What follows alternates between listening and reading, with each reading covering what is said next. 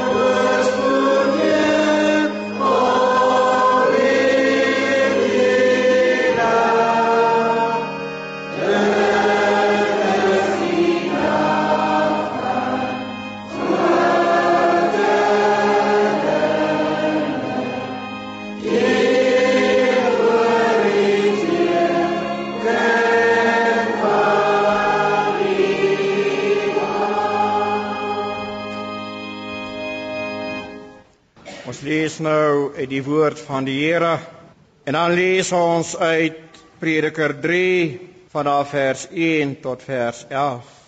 Alles het sy bepaalde uur en vir elke saak onder die hemel is daar 'n tyd. 'n Tyd om gebore te word en 'n tyd om te sterwe. 'n Tyd om te plant en 'n tyd om uit te roei wat geplant is. 'n tyd om dood te maak en 'n tyd om gesond te maak. 'n tyd om af te breek en 'n tyd om op te bou. 'n tyd om te ween en 'n tyd om te lag. 'n tyd om te weeklaag en 'n tyd om van vreugde rond te spring.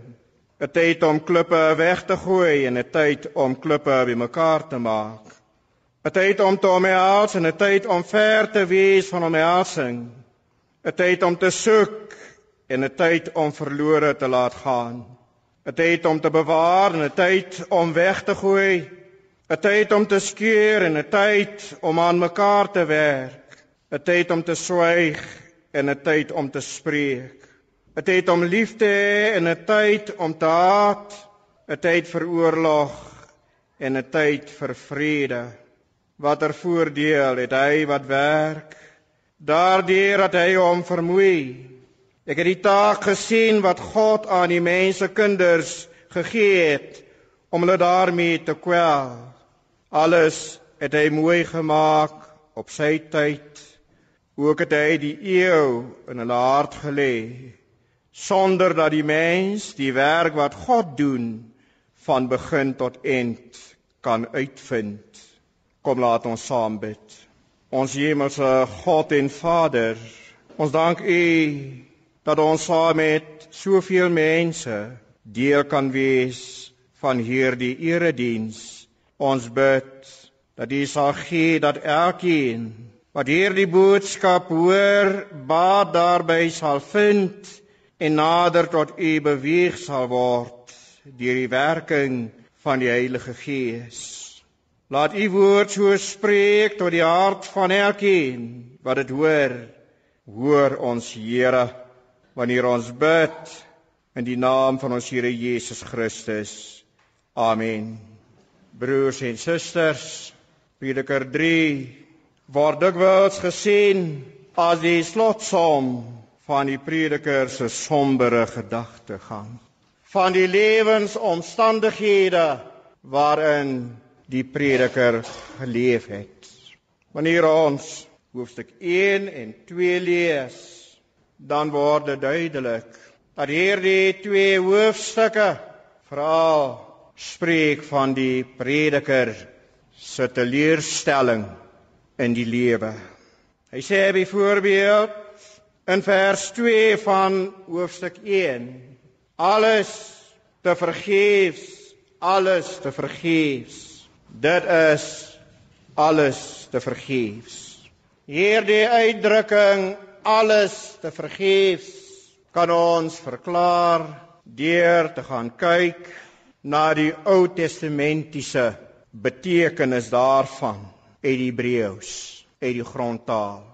In hoofstuk 1 vers 1 kom hier die woorde voor as en word so in die Hebreëus geskryf Hebeel Hebalim en kan vertaal word as nietigheid van nietighede of algehele nietigheid.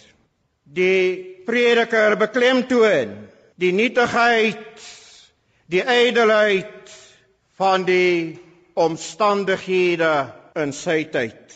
Hy lê klem daarop. Hy druk daarop en daarom sê hy nietigheid van nietighede. Die prediker was 'n denker. Hy was 'n filosoof. 'n Filosoof is iemand wat lief is vir die wysheid. Dis iemand wat kennis wil opdoen en wat meer wil weet aangaande sy omstandighede, aangaande hierdie lewe. En daarom word die boek Prediker geplaas onder die wysheidsliteratuur. 'n Filosoof wil meer weet van hoe dinge in mekaar sit. 'n Filosoof verskil van 'n wetenskaplike in die sin dat die wetenskaplike doen proefnemings terwyl die filosoof stil gaan sit en dink oor die werklikheid, oor die bestaan van dinge, oor hoe dinge in mekaar sit. Nadat die prediker baie diep gedink het in sy tyd, kom hy tot die slotsom dat alles te vergeefs is. Alles is maar nietig. Met ander woorde, alles beteken eintlik niks. Jy maak maar net jouself moeg. So verwys hy vanaf vers 1 tot 2 na sekere dinge en hy sê alles is te vergeefs. Die woord wat vertaal word met alles is te vergeefs of wat vertaal word met nietig in ons Afrikaanse Bybel is die woord hebeel het ons na verwys. Dit is dieselfde woord wat die naam van Abel was. Abel, die tweede seun van Adam en Eva, se naam was Hebeel. En ons in ons Bybel en ander vertalings vertaal dit as Abel. Hebeel beteken damp. Dit beteken wasem. Dit beteken luggie nietigheid, ydelheid. Dit beteken niks. Met ander woorde, iets is niks. Abel is deur sy broer Kain doodgemaak. Miskien het sy ouers Adam en Eva die broedermoord al in die vooruitsig gestel. Dit gesien in hulle geestesoog. Toe noem hulle die kind Habeel met verwysing na die feit dat hy nie lank sal leef nie. Dit is te vergeef sê hulle. Hy is maar 'n damp. Hy is wasem. Hy is luggie. Hy is die nietigheid self. Miskien is daar vandag in ons tyd mense wat ook so voel. Mense wat ook so 'n negatiewe beskouing het aangaande die lewe. So 'n beskouing maak 'n mens somber. Jy dan 'n sombere gedagte oor die lewe en alles is vir jou te vergeefs. Jy maak jou nie moeg met dinge nie omdat dit te vergeefs is. Dis dikwels die lewensomstandighede waarin 'n mens jouself bevind of jou toekomsverwagting jou vooruitsigte van die toekoms wat veroorsaak dat jy 'n donkere toekoms sien, duistere lewe. Byvoorbeeld, die lewe wêreld, vooruitsigte en toekomsverwagting binne en buite die huwelik. Die verhouding tussen man en vrou kan somber wees. Kan jou ook somber maak, somber laat voel dat jy moedeloos raak en nie meer wil bou aan die huwelik nie. Dit is alles te vergeefs, ek maak my moeg. Selfs die verhouding tussen verloofdes kan so wees. En dit kan ook somberheid, negativiteit veroorsaak. Dat 'n mens net eenvoudig voel ek maak my nie meer moeg met die omstandighede nie omstandighede in die huis, jou kinders. 'n Mens kan dan sê ek maak my nie meer moeg met hierdie kinders nie. Dit is te vergeefs dat ek met hulle praat. By die werk, omstandighede kan van so 'n aard wees dat jy dan voel dit help nie om verder met die mense te praat nie. Dit is te vergeefs dat ek probeer dinge regmaak Dit maak my net moeg. Jong mense of ou mense in 'n gestig kan ook hierdie gevoel begin ontwikkel. Jong mense, die Heer kan ook hierdie gevoel ontwikkel. Dit is te vergeefs dat ek probeer om erns te kom in die lewe. Dit is te vergeefs dat ek studeer. Dit is te vergeefs. Ek maak my net moeg. Ons sien uit na die jeugdag, vieringe, verrigtinge, uitsprake, slagspreuke. En jong mense kan omdraai en dan sê dit help niks. Dit is te vergeefs. Te vergeefs dat ons onsself moeg maak met jong mense aktiwiteite. Niks kom reg nie. Al hierdie dinge en baie ander kan veroorsaak dat 'n mens 'n sombere en negatiewe uitkyk op die lewe het. Maar wanneer ons Prediker 3 lees, dan kom ons tot ander insigte. Dit is asof Prediker 3 'n vertroosting is. Dit vertroos ons. Ons hoofgedagte is elke gebeurtenis in ons lewens vind plaas nie per ongeluk nie. Dit vind plaas omdat God dit so bepaal het. God het alles mooi gemaak op en binne sy tyd. En ook binne sy tyd het hy die eeu in die hart van die mens gelê. Dit is ons hoofgedagte uit hierdie gedeelte. Geliefde gemeente, in die lig van ons teksverse en hoofgedagte sal ons ons bepaal by die volgende gedagtes. Die eerste is elke gebeurtenis in ons lewens vind plaas op die tyd waarop dit bepaal is. Eenvoudiger gestel beteken hierdie stelling dat niks gebeur toevallig nie of per ongeluk. Dit beteken dat alles wat met ons gebeur, wat met my en wat met u gebeur, plaasvind volgens die plan en doel van God. Volgens sy bevel, volgens sy besluit, ja, volgens sy raadsbesluit. Dit beteken dat God in sy ewige plan of doel alle dinge wat gebeur vooraf bepaal het. God het 'n plan vir homself opgetrek. God het geweet wat hy doen. God het geweet wat gaan gebeur en God het dit so beplan. Ook elke klein ding wat gebeur in hierdie wêreld. God het dit so beplan. Jesaja 46 vers 10 sê vir ons dat God gesê het: "My raad sal bestaan En al wat my behaag, sal ek doen. In Job 14 vers 5 kry ons dieselfde gedagte. Volgens Job 23 vers 14 volbring God alles wat hy besluit het oor die mens.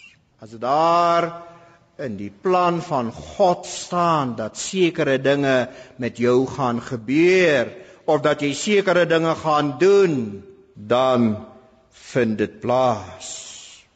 Dit gebeur met ons, met elke mens, omdat ons die maaksel van God is. God het ons gemaak. Paulus stel dit baie duideliker in Romeine 9 vers 20 en 21 wanneer hy vra Die maaksel kan tog nie vir die maker sê waarom het u my so gemaak nie? Met ander woorde iets wat gemaak is as dit skeef en krom gemaak is kan dit nie vir die persoon wat dit gemaak het vra hoekom het jy my so gemaak nie? Dit lê by daardie mens se vrymag en in die geval van God lê dit by God se vrymag. Die mag om vry te wees in wat hy doen sonder dat iemand hom voorskryf. Niemand het vir God voorgeskryf nie. Elkeen van ons lyk soos ons is deur God se wil en plan. Elkeen van ons tree op soos ons is omdat God dit toegelaat het want God laat dit ook toe dat sekere dinge met ons gebeur. Hy het dit toegelaat dat Jesus Christus oorgelewer word. Dat Jesus deur Judas Iskariot oorgelewer word omdat sy tyd gekom het. Daarom gebruik hy begrippe soos die tyd is naby, my tyd is naby. Die tyd is vervul. En Paulus sê in Romeine 3 vers 26 Christus het op die regte tyd gesterwe.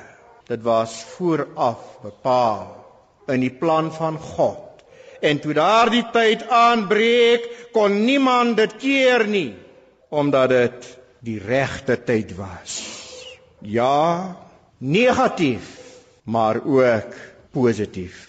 Positief omdat God ons in en deur Christus uit ons negatiewe toestand van die sondes wou verlos en wat hy ook gedoen het. Met ander woorde, in die negatiewe is daar ook die positiewe. Die uitdrukking lui: Elke donker wolk het 'n silwer randjie. En dit, geliefde broers en susters, kom tot uitdrukking in Prediker 3 vers 1 tot 11. En as 'n mens vra, hoe kom dit tot uitdrukking? Dan moet ons gaan kyk na hoe Prediker 3 vers 1 tot 11 gebou is, saamgestel is. Dit is 'n konstruksie, die manier van bou in die Bybel, die manier van verse rangskik wat bekend staan as omarming, soos wanneer iemand jou in sy arms neem of in haar arms neem in jou noodtoestand. Wanneer jy treur, hartseer is, bedroef is en jou troos dit is omarming.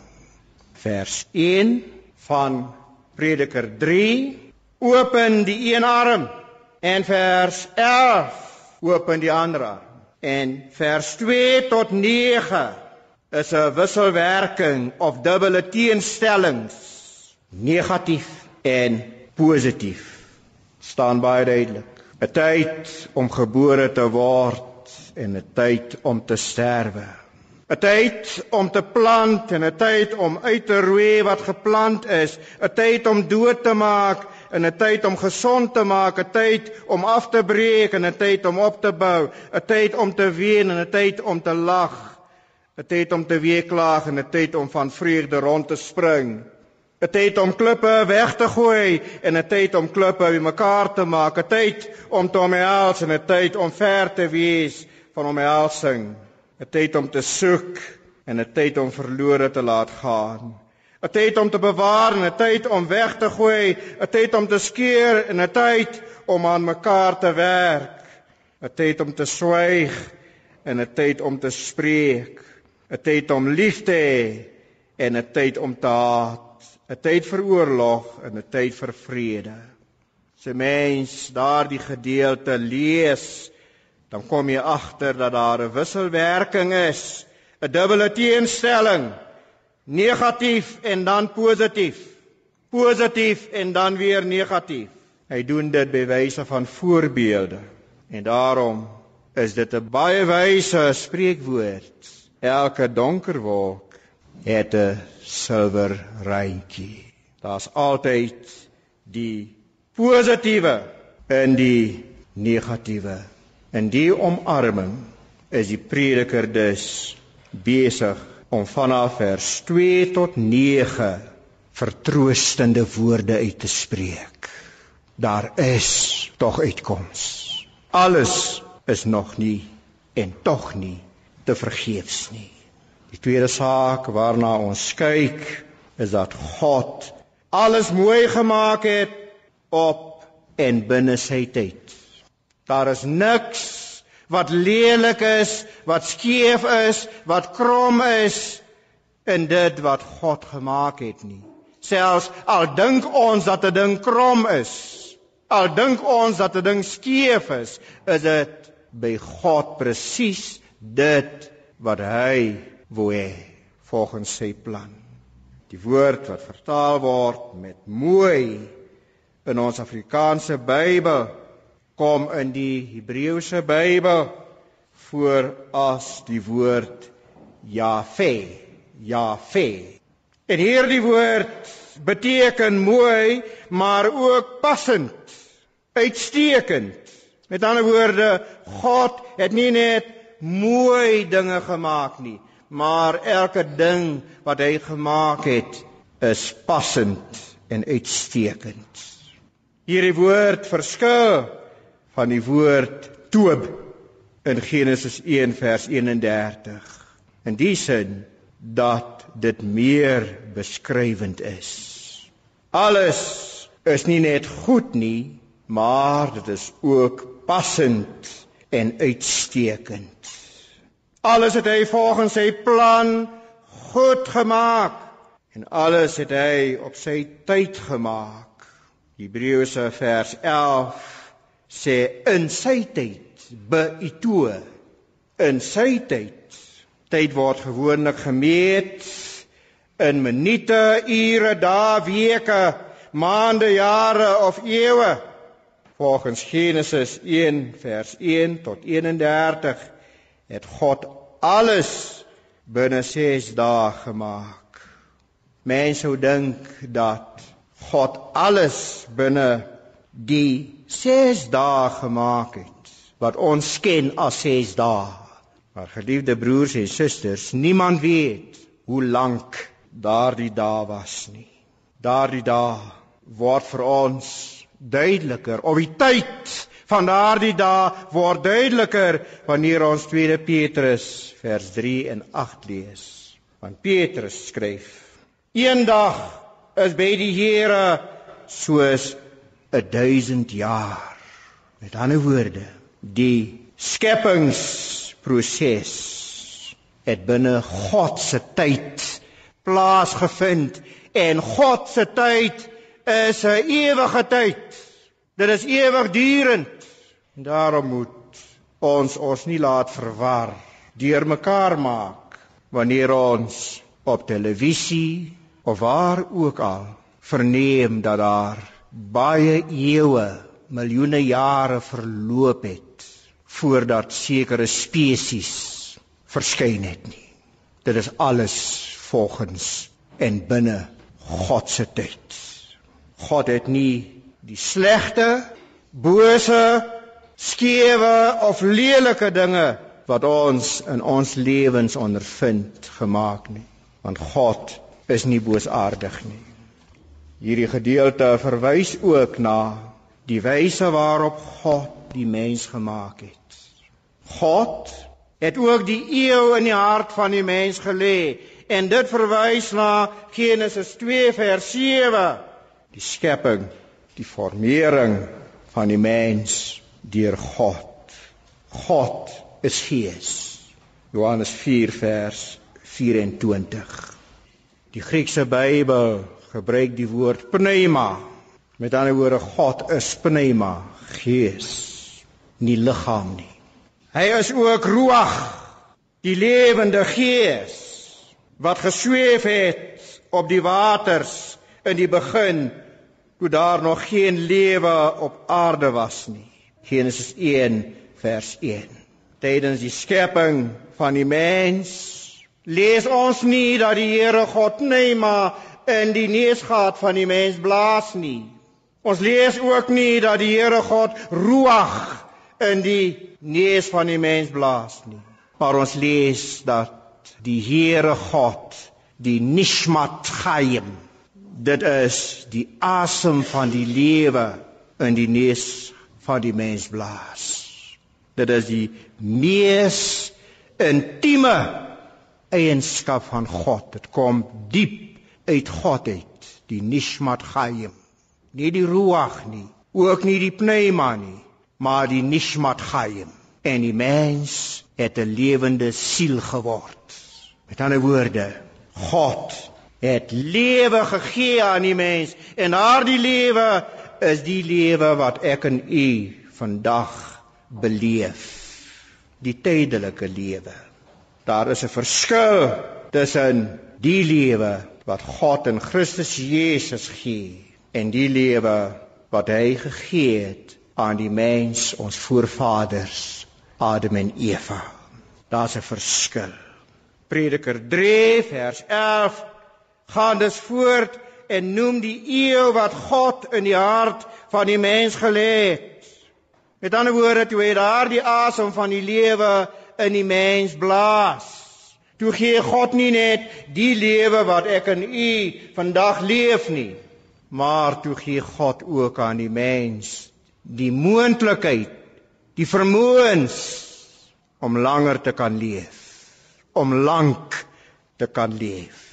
Hier word gesê die Here het dit in die hart van die mens gelê hierdie eeu. Nie die 100 jaar want 'n eeu is 100 jaar, nie 100 jaar nie, maar die vermoë en moontlikheid om lank te kan leef. Die hart is die setel van die emosies. Die setel van ons gevoelens, ons gevoelens. As 'n mens hartseer is, of as jy sê my hart is seer, dan bedoel jy dat jou emosies dat dit seer gekry het. As jy sê my hart is bly, dan bedoel jy dat dit met jou emosioneel goed gaan. Die Here God het daardie moontlikheid om lank te leef op die hart van die mens gelê. Elke mens wil graag lank leef. Ons is lief vir die lewe. Elke mens wil nie graag vroeg sterwe nie. Ou Testamentiese persone soos Abraham, Isak en Jakob, selfs Sara het lank geleef. Set was 912 jaar oud. Enos was 905 jaar oud. Kenan was 910 jaar oud. Jered was 962 jaar oud. God het dus toe hy die mens maak, nie net die lewe gegee wat ons beleef nie, maar ook die moontlikheid, die eeu om langer te kan leef. En daarom as u dalk siek is, probleme het met u gesondheid. As u sukkel in hierdie lewe, as u probleme ondervind, die moontlikheid om dit te bowe te kom in jou lewe is deur God daar gestel. Jy sal lank lewe. God sal jou in staat stel om dit te bowe te kom. Geliefde broers en susters, ons moet ondanks die negatiewe omstandighede ook die positiewe in gedagte hou. Moenie alles sien as negatief nie of as net negatief nie. Daar is die positiewe. Die positiewe is die teenstelling van die negatiewe.